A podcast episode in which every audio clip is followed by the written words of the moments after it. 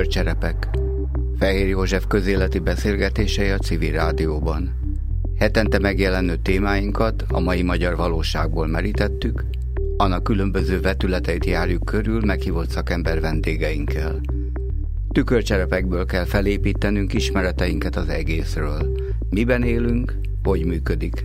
Korunk civiljének, ha nincs más, magának kell a tisztában látás lehetőségét megteremtenie. Amit ígérni tudunk, a részek és az egész viszonyára rálátással bíró legjobb szakembereket hívjuk a mikrofon elé.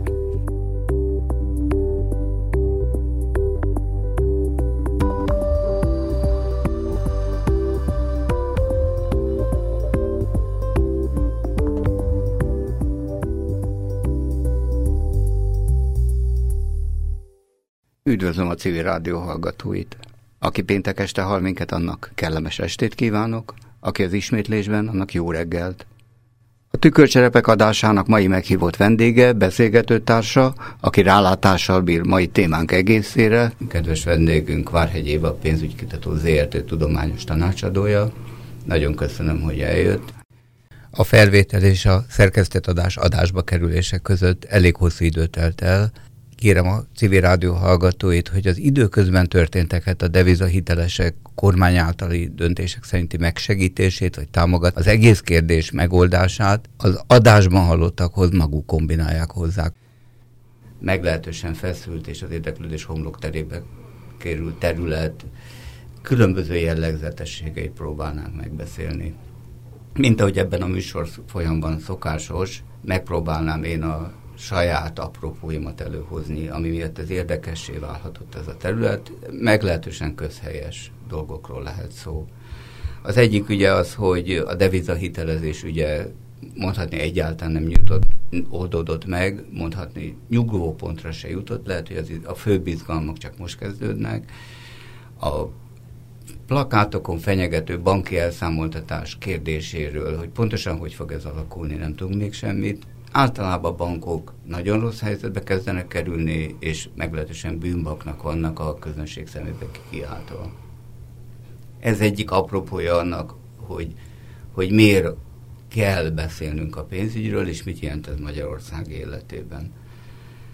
Nem tudom, hogy az aktuális témákról, tehát ez, amit én apropóként mondom, tudunk-e olyasmit beszélni, ami a híradásokon túl valami általános jelenségként le tudja ezt írni, hogy egyáltalán mi folyik ezen a téren napunkban? Hát én nagyon remélem, hogy van, nekem van egy elképzelésem, de hát természetesen ez részben szubjektív, hiszen mindenki máshogy ítéli meg a helyzetet. Tulajdonképpen megszülettek a devizahitelezés kiváltásáról szóló jogszabályok tényleg segít valakin ez a, ez a megszületett döntés sorozat? Hát a sorozat az mindenképpen segít, hiszen ezt azért már kiszámolták többen, hogy körülbelül 25%-kal csökkenni fognak a devizahiteladósoknak a törlesztési terhei a jövőben. Az más kérdés, hogy egészen más ok miatt, mint amit a kormány hosszú évek óta kommunikál. Nevezetesen a kormány azt dobta be, és erre voltak a várakozás, erre irányultak a adósok várakozásai, hogy a forintosítás az egyúttal megszünteti a devizaadósoknak, devizahiteladósoknak ezt a bizonytalanságát és a terheit.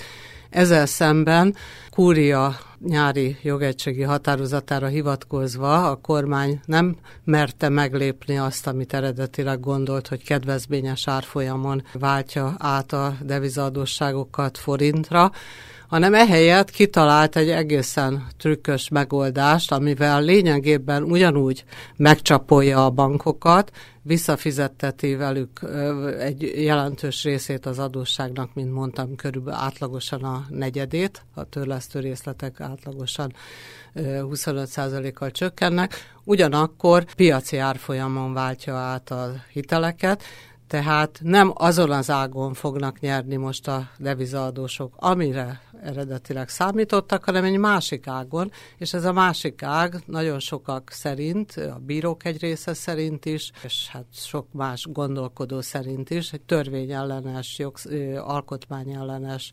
megoldással a nyáron hozott úgynevezett devizahiteles törvényel, illetve az ahhoz kapcsolódó elszámoltatással valósul meg.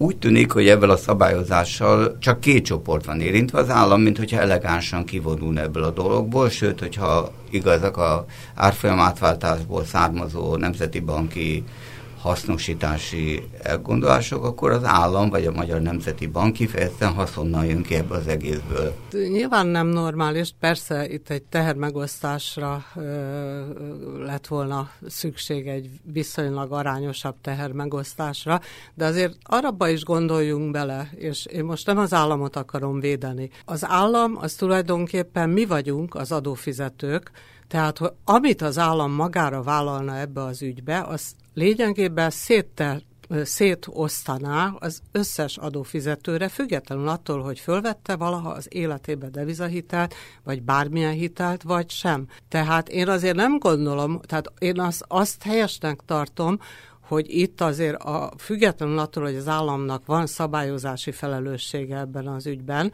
de azt gondolom, hogy azért a fő terhet mégiscsak a két fő szereplőre, a deviza hitelt nyújtó bankra, illetve a deviza hiteleket felvevő adósra kell terhelni, és csak egy kisebb részét illenék az államnak a közösség rovására átvállalnia. Tehát ez a része még engem nem háborít fel különösebben, hogy az állam a saját adófizetői terhére nem vállal túl nagy szerepet ebben az ügyben az valóban felháborító, hogy mondjuk ez a én kalkulációm szerint egy ilyen 180-190 milliárd forint, amit most az átváltással, a devizahitelek átváltásával nyerességként keletkezik a Nemzeti Bankban, és ez megilletné az állami költségvetést, az államot, hiszen ő a tulajdonos. Nagy valószínűséggel ez ott fog maradni a Nemzeti Bankban, és a nem, ahogy a múltban is 200 milliárd forintot már saját ízlése szerint a jegybank elnöke Matolcsi György költ el, költött el, vagy tett alapítványokba különböző mondva csinált oktatási célokra, ugyanígy félek tőle, hogy ezt az összeget is ő fogja saját hatáskörében elkölteni, ahelyett, hogy például ezzel a 180-190 milliárd forinttal valóban lehetett volna enyhíteni az adósoknak a terhét. Tehát ez indokolt lett volna, mert ezt nem az adófizetőktől veszik el. Ez a nyeresség azért keletkezik, mert valaki rosszul jár, a deviza adósok rosszul jártak, mert magasabb árfolyamon váltják át az adósságukat, nem ahhoz képest, amik ők fölvették, mert ők joggal kell, hogy vállalják az árfolyam kockázatnak legalábbis egy jelentős részét, de azt a részét, ami most a nyereség, a Nemzeti Bank nyerességeként azért keletkezik, mert a Nemzeti Bank a saját devizatartalékát valamivel olcsóbban vette korábbi években, mint amennyiért most átváltja. Tehát egy ilyen eurónként, az én becslésem szerint eurónként 17 forintot nyer ezen, a, ezen az átváltáson a Nemzeti Bank. Ez viszont a devizaadósok kárára nyeri, hiszen ők fizetik meg ezt a ö, töbletet. Tehát ezt a részt, ezt illet volna a deviza hitelesek megsegítésére fordítania. De mondom, én nem gondolom azt, hogy nem kell, hogy vállaljanak felelősséget a devizahitelesek. Tudom, hogy nem népszerű, amit mondok, mert örjöngő tömegek vonulnak ugye napjainkban is utcára azért, hogy úgy gondolják, hogy, hogy átlettek verve. Én azt gondolom, hogy részben van csak igazuk, mert azért bankoknak kötelességük volt fölhívni a figyelmet arra, hogy itt van árfolyamkockázat, másrészt pedig 2009-ig ők nyertek ezen a dolgon, tehát a deviza hitelesek kevesebb, kisebb törlesztő részleteket fizettek, mint az ugyanakkor forint hitelt felvett adósok, erről már szeretnek elfeledkezni. 2009 után sajnos megbillent az egész ö, história, a válság miatt, a svájci fran váratlan megerősödése miatt, tényleg bekövetkezett egy olyan helyzet, amiben már a kormánynak, kormányoknak felelősséget kellett vállalniuk, és kellett volna vállalniuk, és a bankoknak is természetesen felelősséget kellett vállalniuk. Ez csak egy ilyen magánemberi megérzés, hogy az állam már jóval korábban többet tehetett volna, hogy a dolog ne fajuljon idáig. Hát így van, itt most már 2000 milliárd forintnál tartunk, amit a bankoktól különböző sarcok, különadók és egyéb formákban elvont az állam, az, a, a magyar kormánya a lényegében az Orbán, a két Orbán kormány, tehát 2010 óta 2000 milliárd forint, és ennek alig több, mint a felét fordította a hitelesekre, tehát a devizaadósok megsegítésére, a másik felét egész egyszerűen elnyelte az állami költségvetés, és ö, olyan célokra fordította, aminek se ahhoz nem volt köze, hogy megsegítsen devizahiteleseket, se ahhoz, tegyük hozzá, hogy a bankrendszert konszolidálja, stabilizálja, hanem éppen, hogy szétzilálta tőkéjétől, megfosztotta azt a bankrendszert, amelyet más országokban a válságok után éppen, hogy megerősíteni igyekeztek a kormányok. Tehát ez a magyar kormány, az Orbán kormány éppen fordítva, ellenkezőleg viselkedett, mint a világ összes többi ö, kormánya. Ebből azt kell gondolnom, hogy azért ez az abnormális ö, mentalitás. Pénzügyi szektor számára az unortodox gazdaságpolitika, amit ezzel a műszóval talált ki Matolcsi György, milyen hozadékkal járt? Általában én azt gondolom, hogy az unortodox gazdaságpolitika szinte semmilyen pozitív hozadékkal nem járt, mert ami eredmény, gazdasági eredményt az elmúlt években elértünk, azt annak ellenére érte el az ország, tehát az, az, hogy valamilyen mértékben az egyensúlyi helyzet javult, és a gazdasági növekedés most elindult. Ez azt kell mondanom, hogy annak ellenére történt meg, hogy ezt az unortodox gazdaságpolitikát folytatta a kormány, mert szerencséje volt, hogy nem állt fejre a világ, a pénzügyi rendszer, szerencséje volt, hogy föl tudott használni horribilis összegű uniós forrásokat, és emellett, hát ez egy elég furcsa dolog valóban, hogy arra építette már 2010-ben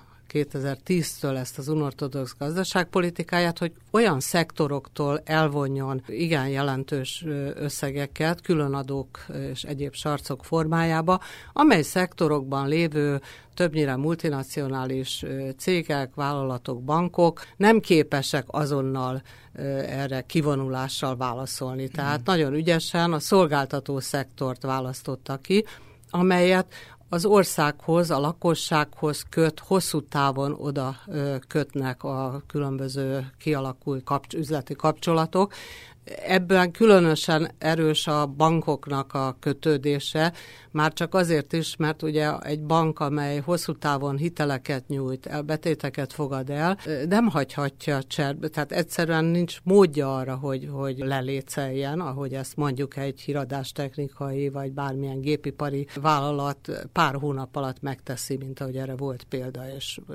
eltávoznak, leszerelik az üzemeiket, kirúgják a dolgozóikat, és, és kész, elmennek. Erre a bankok egyáltalán nem képesek, hiszen ő nem, hogy ki kell szolgálniuk azokat az ügyfeleiket, akikkel szerződéses kapcsolatban állnak, de még külön törvények vonatkoznak arra, hogy ha a tőkéjük egy bizonyos szint alá süllyed, akkor azt pótolni kell a, a tulajdonosoknak.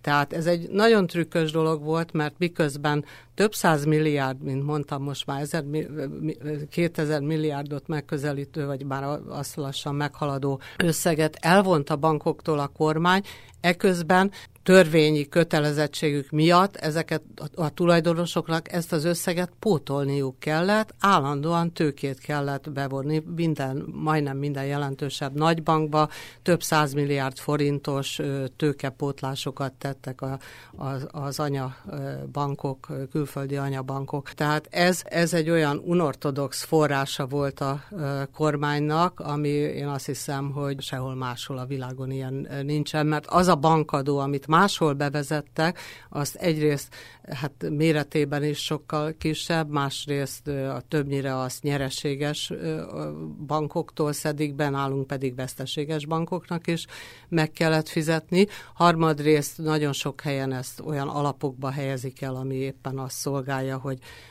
a jövőbeni válságos helyzetekben meg tudják segíteni a bankokat. Nálunk ezt ugye elköltötte a kormány, tehát ez egy abszolút unortodox politika, amit a bankrendszerrel művel, de ugyanez, kevésbé értek hozzá, de ugyanez elmondható a telekommunikációs rendszerre, elmondható most a kiskereskedelmi üzletláncokra, tehát itt elég sok energetikai szektor, közüzemi szolgáltatóknál, tehát csupa olyan ágazatnál sújtja ezekkel a sarcokkal a kormány a, a vállalatokat, többnyire multinacionális vállalatokat, amelyek nem tudnak erre azonnali kivonulással reagálni.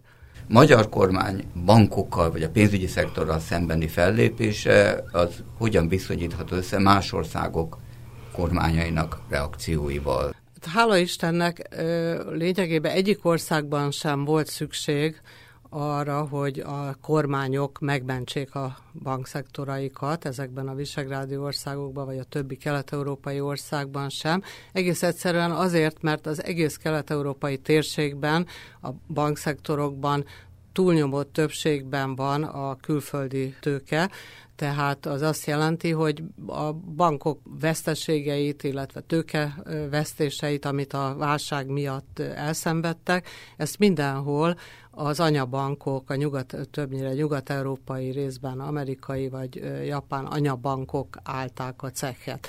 Tehát nem volt szükség arra, hogy a kormányok különösebb mentőakciókkal segítsék meg a bankokat. Másfelől viszont, mint mondtam, azért a, ez a bankadó, amit a magyar kormány már 2010-ben bevezetett, ez akkor még egyedülálló volt ebben a mértékében és formájában. Aztán kicsit kezdtek utána menni más szomszédos országok is, tehát például Szlovákia az egy egészen hasonló bankadót vezetett be, tehát azért nem mondanám, hogy máshol erre nem került sor, de mondjuk Magyarországon ez a devizahiteles ügy, aminek apropóján itt elég kemény összegeket legomboltak a bankokról, ez azért nem volt jellemző más országokban. És ugye a harmadik dolog, ami ez most nyáron történt, ez az egyoldalú szerződés módosítások miatti vég, végső soron azért jogsértő visszatérítés, kártérítési megállapítások, hát ez, ez sem jellemző más országokra bankellenes, kifejezetten hisztérikus politikai felhangokkal terhelt kampányokat, plakátháborúkat, elszámoltatás, szigorú süvöltöző, de egyébként nemzetközi kitekintésben ilyen hisztériára máshol sor kerülhet? Hát valóban én is azt gondolom, hogy jó ez a hasonlat, amit mondott, mert tényleg itt egy olyan kirablása történik, most egy, éppen egy vállalatcsoportnak, a bankoknak, akkor egy népcsoportnak, vagy akár hogy nevezzük egy, egy, egy olyan kisebbségnek, amelyik ez ellen nem tudott védekezni, és ehhez teremtenek egy ideológiát, hogyan lehet ezt a kirablást. Hát én is bankrablásnak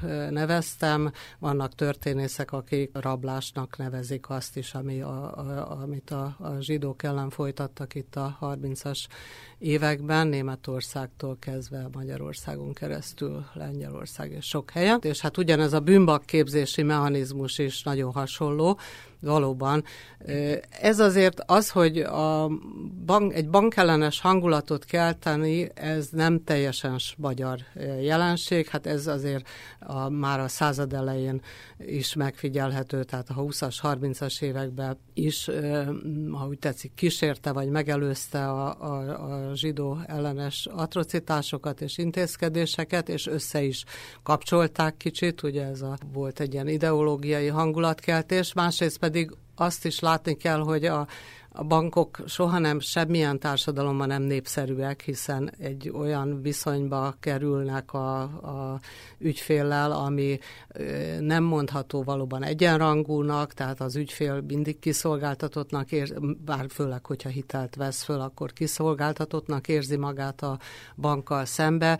Végső esetben egy bank ráteheti a, a jelzálók fedezetül tett ingatlanra, vagy bármilyen vagyontárra a kezét. Szóval egy, egy, valóban egy olyan pozícióban van egy bank az ügyfelével szembe, amit meg lehet lovagolni ideológiai és más alapokon, és más kormányok, nyugat-európai kormányok is különösen most a válság után elég arra gondolni, a Obama elnöktől kezdve Merkel asszonyon keresztül itt Sárközi, a francia Sárközi elnök keresztül itt, itt elhangzottak elég durva bankellenes kirohanások, ezek ugye nagyon népszerűek a lakosság körében. Most ami Magyarországon történt, az azt hiszem túlment minden határon. Tehát annak idején 2009-ben a Gyurcsány Ferencnek is volt bankellenes kirohanása, ő is hozott egyébként egy különadó, egy, ehhez a maihoz képest egy elég szolidat, de azért ő is hozott. Én azt se tartottam helyesnek, ott annak is megvolt persze az ideológiája, hogy hiszen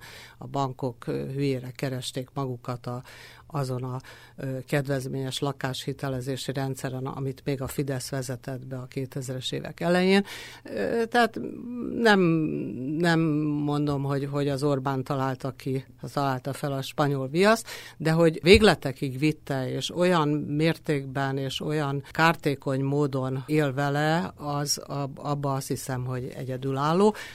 Mondom, hát Romániától kezdve, tehát itt Kelet-Európában meg aztán különösen élnek a kormányok ilyen bankellenes kirohanásokkal, tehát ez, ebbe, azért mondom, hogy ebben nem egyedülálló, csak abba, amilyen mértékig elvitte ezt a dolgot, és amilyen mértékben a saját unortodox politikája szolgáltatába állította ezt a idézőjelbe tett bankrablást, ez, ez, ez azt hiszem, hogy ez példanélküli. Használt ezt a kifejezést, hogy végletekig vitte, ez olyan, mintha múlt időben történt volna minden, és mintha itt valami megállna. Pedig én azt gondolom, hogy ez egy folyamat. A pénzügyi szektorban, a pénzügy kutatóban, vagy a, ezt figyelő elemző szakcégekben érzékelnek-e valami stratégiát, hogy a kormány hova akar még ezzel az egésszel, tehát a bankokkal szembeni részben retorikai, részben szabályozásbeli, részben egyéb eszközök alkalmazásával eljutni. Látszik-e valami végkifejletés, és akkor konkrétan meg, meg kell, hogy kérdezzem, a bankok képtelnek ez ügyben bármit is tenni? Az, azt már utaltam korábban is rá. Én nem gondolom, hogy nagyon különleges helyzetben lenne a bankszektor. Tehát Orbán kormánynak a politikájába be, valóban végletesen ki tudja használni a bankszektornak ezt a sajátosságát, amiről már szintén beszéltem, hogy ő az, amelyik a legkevésbé tud reagálni és kivonulással válaszolni ezekre az atroci, őtérő atrocitásokra, de az egész az, az, az hogy a különböző ágazatokat, szektorokat kívszelmelni, és kimazsolázni, és kiszedni belőlük, amit csak lehet, majd utána, tehát lerabolni, utána, amikor különadók és egyéb sarcoknak köszönhetően, vagy betudhatóan az értékük a ott lévő vállalatoknak, cégeknek, bankoknak a, szinte a nullára megy le, vagy akár még negatív értéket is vesz föl. Ilyen helyzetben pedig megjelenni vásárlóként, hát ez egy eléggé most már plastikusan megmutatkozó módszere az Orbán kormánynak, és ennek a célja úgy tűnik, hogy nem más, mint kisajátítani azokat a szektorokat, amelyeket úgy gondolják, hogy valakik majd hasznosítani tudnak a jövőben. Tehát én még 2010-ben naívan azt gondoltam, hogy ez a kormány, az Orbán kormány azért csinálja mindezt, hogy állami kézbe vegyen neki tetsző olyan vállalatokat, vállalatcsoportokat, közüzemeket, bankokat, telekommunikációs vállalatokat, hogy, hogy, hogy egy ilyen etatista alapon, hogy akkor ő majd az állam, majd ő fogja akkor irányítani, és akkor minden úgy lesz, ahogy, ahogy ez az államnak tetszik. Tehát, hogy van, ben, van neki egy ilyen fajta jövőképe, hogy, hogy egy ilyen államkapitalizmust építsen ki, ahol lehetőleg a, a befolyásos üzleti cégek, üzleti szektorok állami irányítás alatt vannak. Most már nem hiszem ezt, két-három éve megváltozott a, az álláspontom, és elfogadom Magyar Bálintnak a maffia államról szóló elméletét, nem véletlenül ö, szerepet is vállaltam az ő első kötetébe, a, éppen a bankrendszerről írtam a, abban a, a szellemben és szemléletben, mert most már elég világosan látszódik, a bankszektor esetében is, és más ilyen szektorok esetében is, hogy nem az a cél, hogy állami kézben legyen minden, hanem az a cél, hogy durva módszerekkel leértékelődjenek ezek a vállalatok, az állam átvegye, majd utána egy neki tetsző, neki kedves üzleti kör számára átjátsza ezeket a vállalatokat, cégeket. A bankszektorban a takarékszövetkezeti rendszerrel ez történt. Nem arról van szó, hogy nem arról volt szó, hogy az állam államosította mondjuk a takarékbankot és a hozzá tartozó takarékszövetkezeteket, az állam irányítja ezután. Szó nincs erről. Egy másik, az FHB üzleti csoportja, Spéder Zoltán vezetésével, a posta beintegrálásával, és még ki tudja, minek majd a későbbi lenyúlásával egy olyan konglomerátumot hoz létre, amelyben egy szűk üzleti csoport, igaz, hogy kormányhoz kötődő, de magántulajdonosok veszik irányításuk alá, vették már irányításuk alá az egész takarékszövetkezeti szektort. Lényegében elvették a takarékszövetkezeti tagoktól, a, a hmm. kis tulajdonosoktól az, az irányítás és beleszólás jogát, és ez nem kétséges, hogy az MKB bank, amit most megvett a magyar kormány, igen olcsón, mert nem volt nehéz, hiszen előtte ráterhelt egy horribilis összegeket a bankadóval és egyéb a végtörlesztési törvényel és egyebekkel.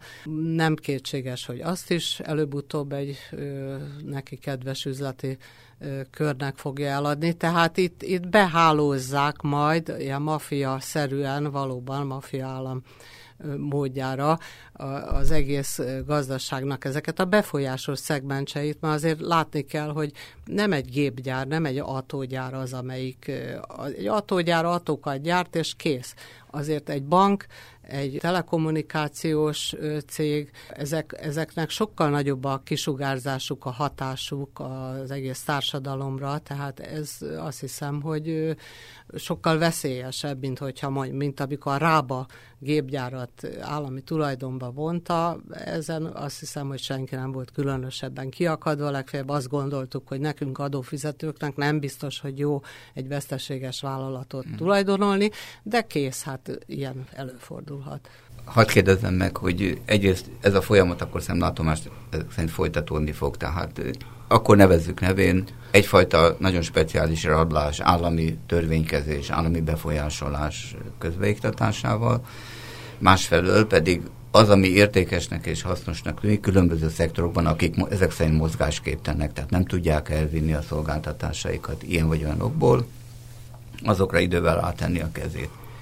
Hadd vessem föl, hogy ezeket viszont akkor, akkor is előbb-utóbb nyereségesen kell üzemeltetni, megvette. A takarékbankot se, az MKB csak lesz könnyű jól működtetni, majd hogyha most nem akarok neveket és tippeket adni, mert az energiaszektort lenyúlják, az talán még nehezebb. Mi lesz ezeknek a sorsa? Tehát ez a folyamat így megy, akkor egy ideig megjelenik magánvagyonként, aztán, aztán valamennyünk közös terhe lesz egy tönkremenő vállalatcsoport?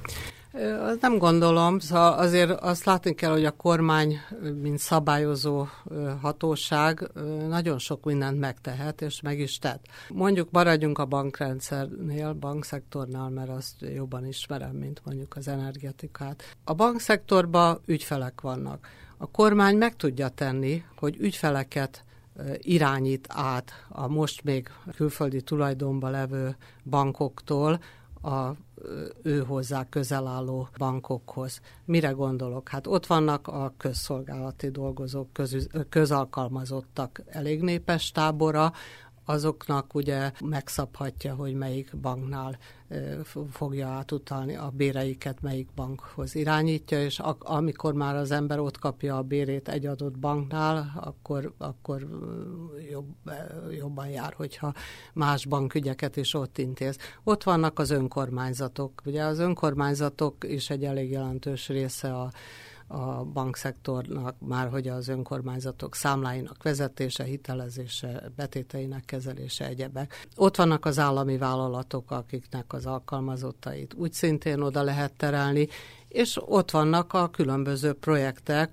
beruházási projektek, amelyeknek a hitelezését rá lehet bízni az, azokra a bankokra. Tehát egész egyszerűen piacot teremt az ő neki kedves bankcsoport számára nem csinál ez ellen semmit a bankrendszer. Tényleg ölbetett kézzel tűri, hogy, hogy vége legyen. Hát így kívülről nézve tényleg ezt látja az állampolgár, hogy betett kézzel nézi. Én se látok be a kulisszák mögé. Ugye azt látjuk, egyrészt azért van egy bankszövetség, Magyar Bankszövetség, amelyik elvileg a bankok érdekeit hivatott képviselni, erre jött létre 25 éve. Feltételezem, hogy azért van valamilyen kapcsolata a kormányjal, de hát e-, ezekről, amit, amit így kívülről tudunk, amit nyilván, ami a nyilvánosság bíróság elé kerül, abból az látszik, hogy a kormány időként még ezt a bankszövetséggel kötött megállapodásait is felrúgja. Ez történt 2011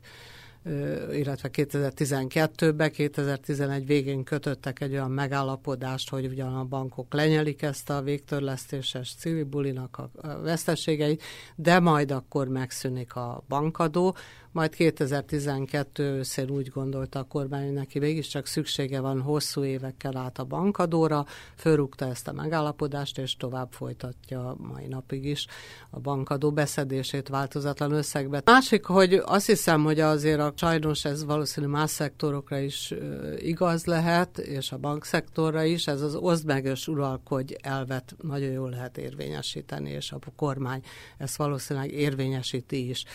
Mire gondolok? Hát azért nem egyforma pozícióban vannak a bankok kezdettől fogva.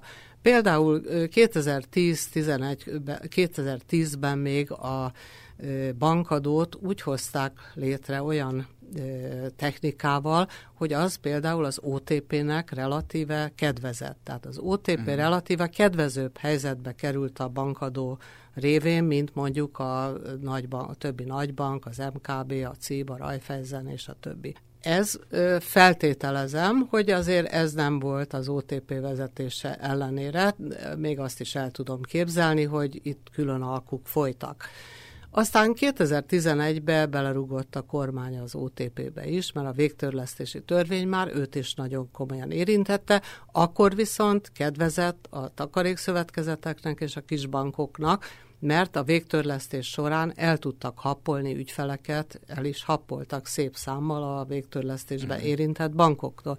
Tehát ott is volt egy megosztás. Aztán később már nem tudom, mert most, most már szerintem ott tart a dolog, hogy hogy lényegében alig van ö, olyan érdemi szereplője, tehát azzal, hogy most már az OTP-be is belerugott a takarékszövetkezeti szektor vételékor, vagy lenyúlásakor, ö, azért az OTP lett volna egy esélyes, aki a takarékszövetkezeti szektort így maga köré kanyarinthatta volna, és nem ő tette meg, hanem éppen az ellenlábasa, az FHB, és körül mögött álló üzleti csoport, tehát itt azt hiszem, hogy, hogy itt most már valóban egy sokkal jobban megosztott társaság áll, tehát vannak egyfelől ezek a kedvezményezett kisbankok, és ez a takarékszövetkezeti csoport, van az OTP, amelyik már nem kedvezményezett, de azért még talán nem annyira, rossz helyzetben van, mert azért mégis tud nyereséget produkálni, és akkor vannak valóban azok a bankok, amelyek már csak azt nézik, hogy hogy tudnának innen elszabadulni amelyek most már évek óta veszteségesek, és, és ez, ez, ez a megosztott helyzetben valóban nehéz lehet, gondolom, együttműködni, de azt is gondolom, hogy azért én, mint állampolgár, mint civil személy, döbbenten nézem én is időnként, hogy még mosolyognak ezek a bankvezetők. Időnként Bécsből megüzenik az ottani tulajdonosok, hogy na most már aztán elmész az anyádba a kormánynak, de az itt lévő a helyben, Budapesten székelő leánybankok vezetői pedig mintha mosolyogva tűrnének mindent. Szóval ez egy elég furcsa dolog, de ez mutatja, hogy, hogy mennyire kiszámított és ügyes, most ezt kell mondjam, hogy ügyes az a politika, amit ez a kormány csinál, hogy ilyen hatalmas multikkal el tud bánni, ha úgy tetszik. Aztán, hogy persze milyen egyéb külön alkuk vannak, mondom, ezt én nem tudom megítélni.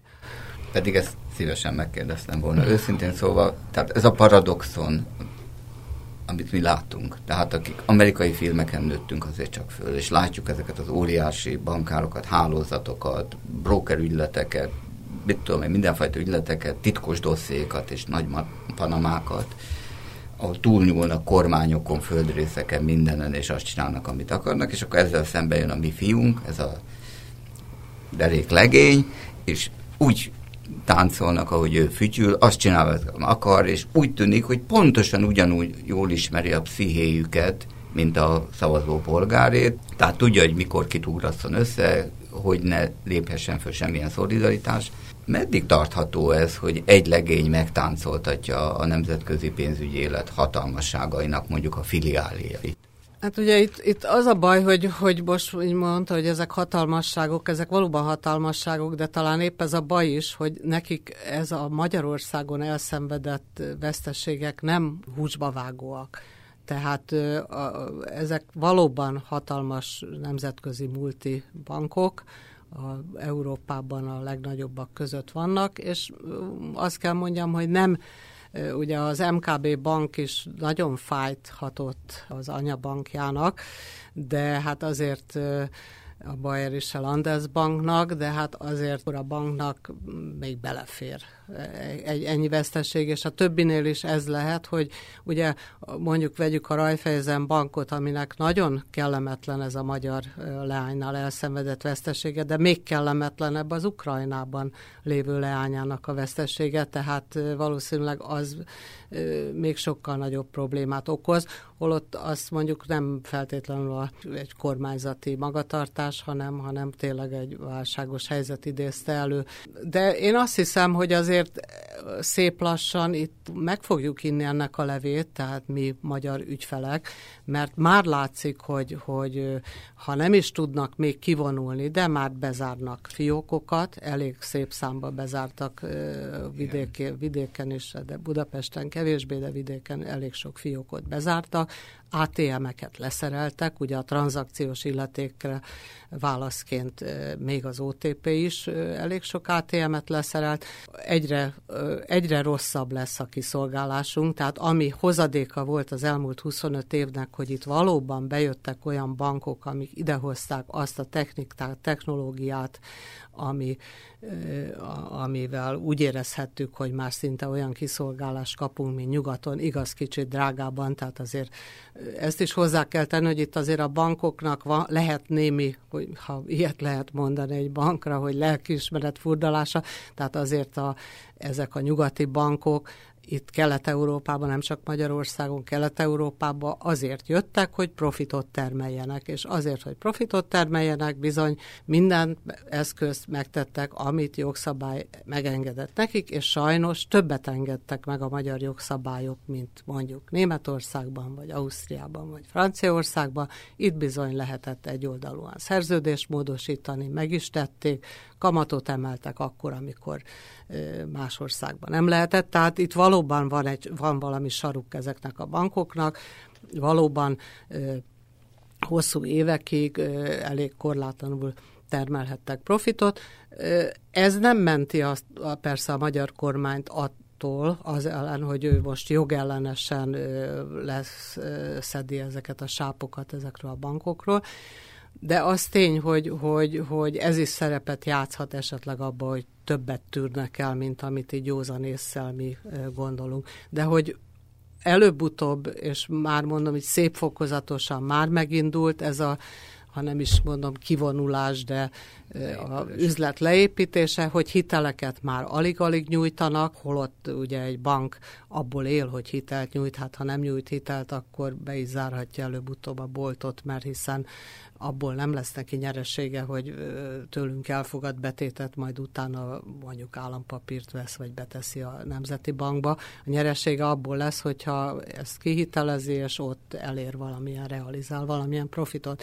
Ez egyre kevésbé megy, és hogyha nem fog hitelezni a bankrendszer, akkor megnézheti magát nem csak a magyar gazdaság, a gazdaság szereplője, a vállalatok, a lakosság, hanem a magyar kormány is.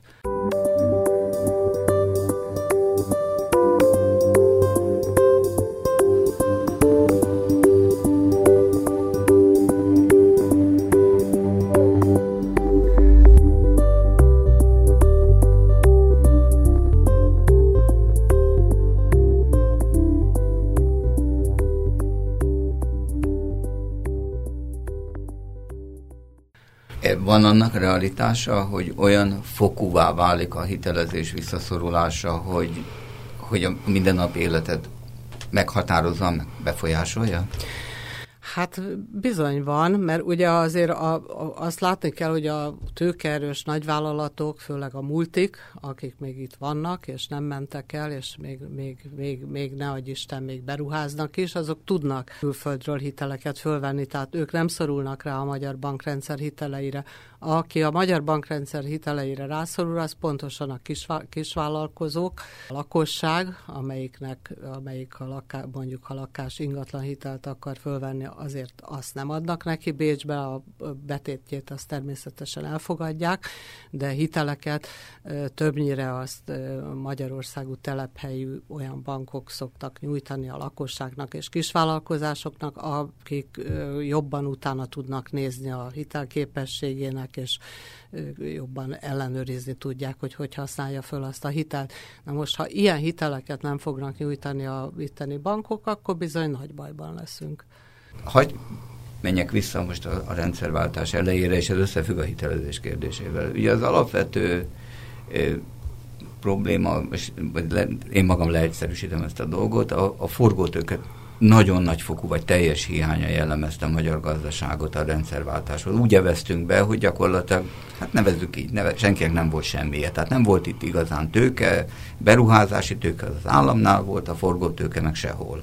Változott ez a helyzet a rendszerváltás folyamán, tehát javult-e valamivel a magyar vállalkozások tőkeellátottsága, tényleges saját használható forgótőkeellátottsága, illetve azzal, hogy a hitelezés ilyen beszűkülő szakaszba ért, megint vissza fogunk állni a kádári világ végéhez? Hát nyilvánvalóan javult, mert valóban itt a, főleg a 2000-es években már igen nagy hitelezési boom volt, tehát itt, aminek most isszuk és persze a levét, itt el, elfutottak a hitelek, vállalati hitelek és, és lakossági hitelek is, ami nyilván megolajozta jobban a gazdaság működését, a vállalatok működését, most, ha ez beszűkülnek ezek a csatornák, akkor, akkor megint visszaállhat, valóban problémák lesznek. Ez a növekedésnek mindenképp gátja lesz, de már az egyszerű működésnek is. Tehát már most be kell zárniuk adott esetben azért kerülnek felszámolásra cégek, nem azért, mert nem tudnának tartósan működni, hanem azért, mert egyszerűen nincsen, nincsen megfelelő hitelforrásuk, tehát ez, ez, ez valóban egy reális veszély. A, hát a beruházásoknál meg az a fő probléma, hogy, hogy, hogy ugye a működő tőke most már lényegében nem jön be, tehát az elmúlt évben döbbenetes módon a kiáramló tőke nagyobb volt, mint a beáramló tőke, tehát nettó módon tőke kiáramló. Egy olyan ország, amelyik egyébként a mai napig is tőke szegény, tőkehiányos, és igenis rászorulnánk arra, hogy itt folyamatosan dőljön be a külföldi tőke, és ez dőlt be a 90-es években, meg még a 2000-es év, első évtizedben is. Ez most egyszerűen leállt és megfordul. Itt ami tőke jön be, az kizárólag az Európai Uniós, tehát ez az állami elosztású tőke, az, ami a magánszektorban keresne hát boldogulást, hogy így mondjam, vagy megtérülést, ilyen tőke gyakorlatilag nem jön be, sőt, inkább kifelé megy. Ami még tőke jön be, amit említettem, hogy a bankoknak muszáj pótolni a, tőkéjüket az anya, anyabankoknak, tehát ez, ez, ez az, ami még jön be, és ez, ez javítja föl a, a fizetési mérleget, és ezért olyan nagy a mellénye a kormánynak, hogy hiszen milyen jól állunk, mert már évek óta szuficites a fizetési mérlegünk. Ez azért el fog tűnni. Ha jól foglalom össze a dolgot, akkor valójában nem arról van szó, hogy kérdések formájában megtudakolhatnám, hogy tűzzel játszik a kormány, hanem ez a, ez a tűz már javában ég, és ki tudja, hogy ki tudja, hogy, hogy mikor lobban rá egy olyan szektor, ami a, a magyar gazdaság, vagy a magyar élet szempontjából meghatározott, és nem fog működni egyáltalán. Pénzügyi kutatások, összehasonlító módszertán, és most hagyd kérdezem Argentinára vagy hasonlóra. Tehát ismernek-e ilyen esetet, amikor egy politikai garnitúra gyakorlatilag eltapsolja az ország tőkéjét, vagy nem is tudom? Hát nagyon nehéz ilyen hasonlatokat keresni, mert valóban Argentinában sok minden történt, ami sokakat emlékeztet arra, ami itt is történik. De nagyon nehéz itt, én, én nem is vagyok egyébként világgazdaság kutató, tehát azért itt ezek az összehasonlítások erősen sántítanak. Ugye Magyarország egy, egy kis nyitott ország, gazdaság, amelyik nem csak tőkére, hitelre, mindenre rászorul, tehát nyersanyagra, erő, energiaforrásokra.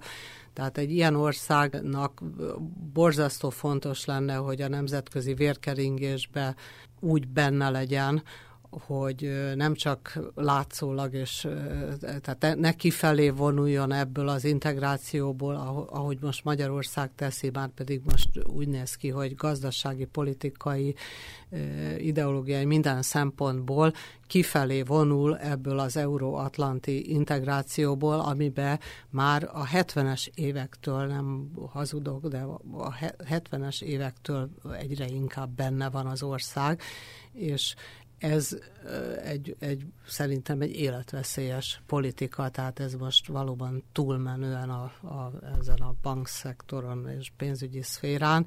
Egyszerűen az a tény, hogy eljátsza ezt az esélyt, amit megadott nekünk ez az elmúlt 40 év, amikor bele mentünk ebbe az integrációba, most ebből jövünk kifelé, és egy teljesen bizonytalan uh, számomra felfoghatatlan jövő felé irányítja az országot ez a, ez a kormány. Úgyhogy én ezt, ezt látom a legnagyobb veszélynek. Mondta, hogy részt vállalt Magyar Bálint a Mafia államról szóló, most már két részes könyvének a írásában.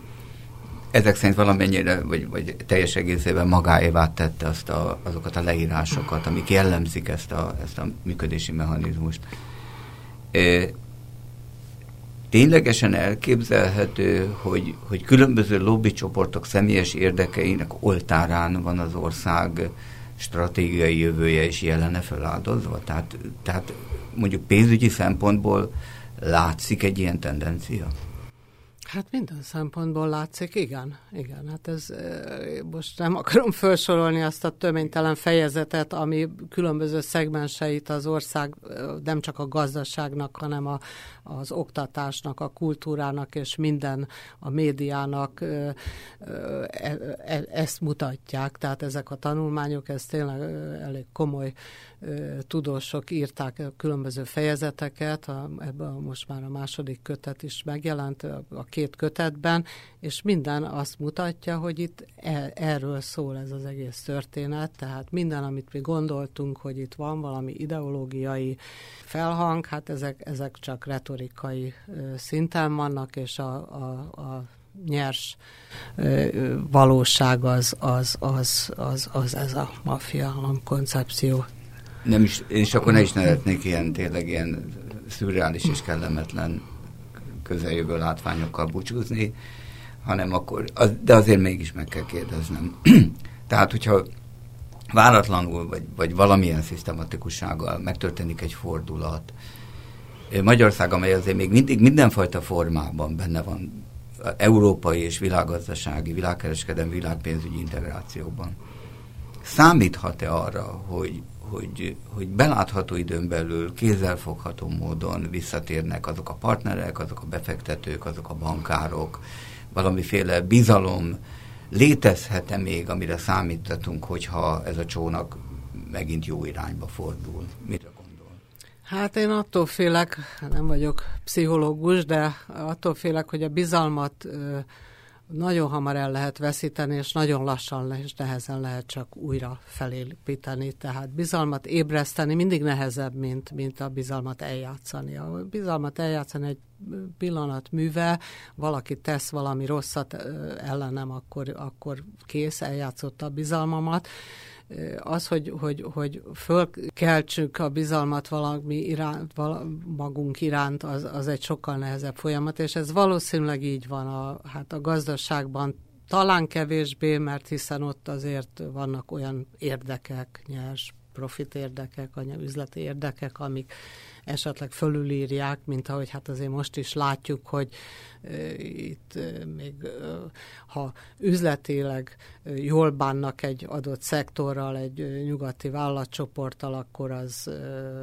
elnézi az Orbán kormány egyéb otromba megnyilvánulásait, akár még ezeket a multik elleni kirohanásait is, és hát ha úgy tetszik, lepaktál velük, megköti azt az alkut. Tehát ilyen ilyen egy-egy esetben meg lehet szerezni a bizalmat hamar, de hogy egy által, hogy egyáltalán bekerüljünk abba, tehát a Magyarország ott legyen egy befektetői kör gondolat világában, hogy ha neki van mondjuk fölösleges tőkéje, akkor gondoljon arra, hogy ide ide érdemes hozni, azért ezt, ezt, ezt ki kell érdemelni. Tehát ez azért nem olyan magától értetődő, és attól félek, hogy most Magyarország annyira nem, nem kívánatos politikai, gazdasági, kulturális szempontból nem kívánatossá vált, hogy nehéz lesz a gusztust fölkeltenünk majd magunk iránt, hogyha egy olyan, reméljük előbb-utóbb jön egy olyan kormány, amelyik egyáltalán törekedni fog erre. Egyetlen kérdésem lenne, de lehet, hogy nagyon, nagyon amatőr kérdés.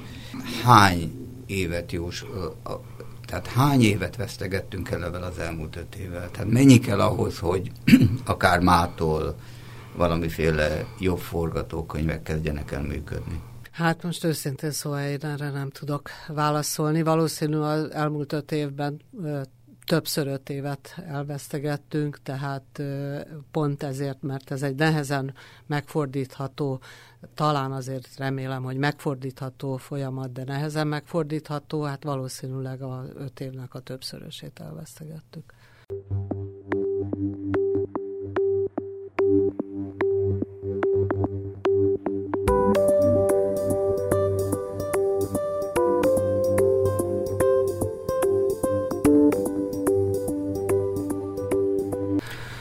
Bárhegy Évának köszönöm a beszélgetést. A civil rádióban a pénzügyi rendszer magyarországi állapotáról beszélgettünk. Hallgassanak minket a továbbiakban is. Minden jót! A Tükörcserepek című közéleti, társadalompolitikai beszélgetést hallották. A civil rádió heti rendszerességgel elhangzó beszélgetéseiben a mai magyar valóság részterületeit beszéljük végig meghívott szakértőinkkel. A rádió hallgatói számára minden héten péntek este 19 órakor új és még újabb témákkal jelentkezünk, melyek hozzájárulhatnak egy általános összkép kialakulásában.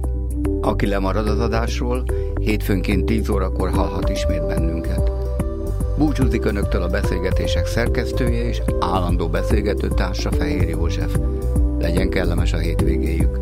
Ahogy most is, máskor is hallgassák a civil rádiót.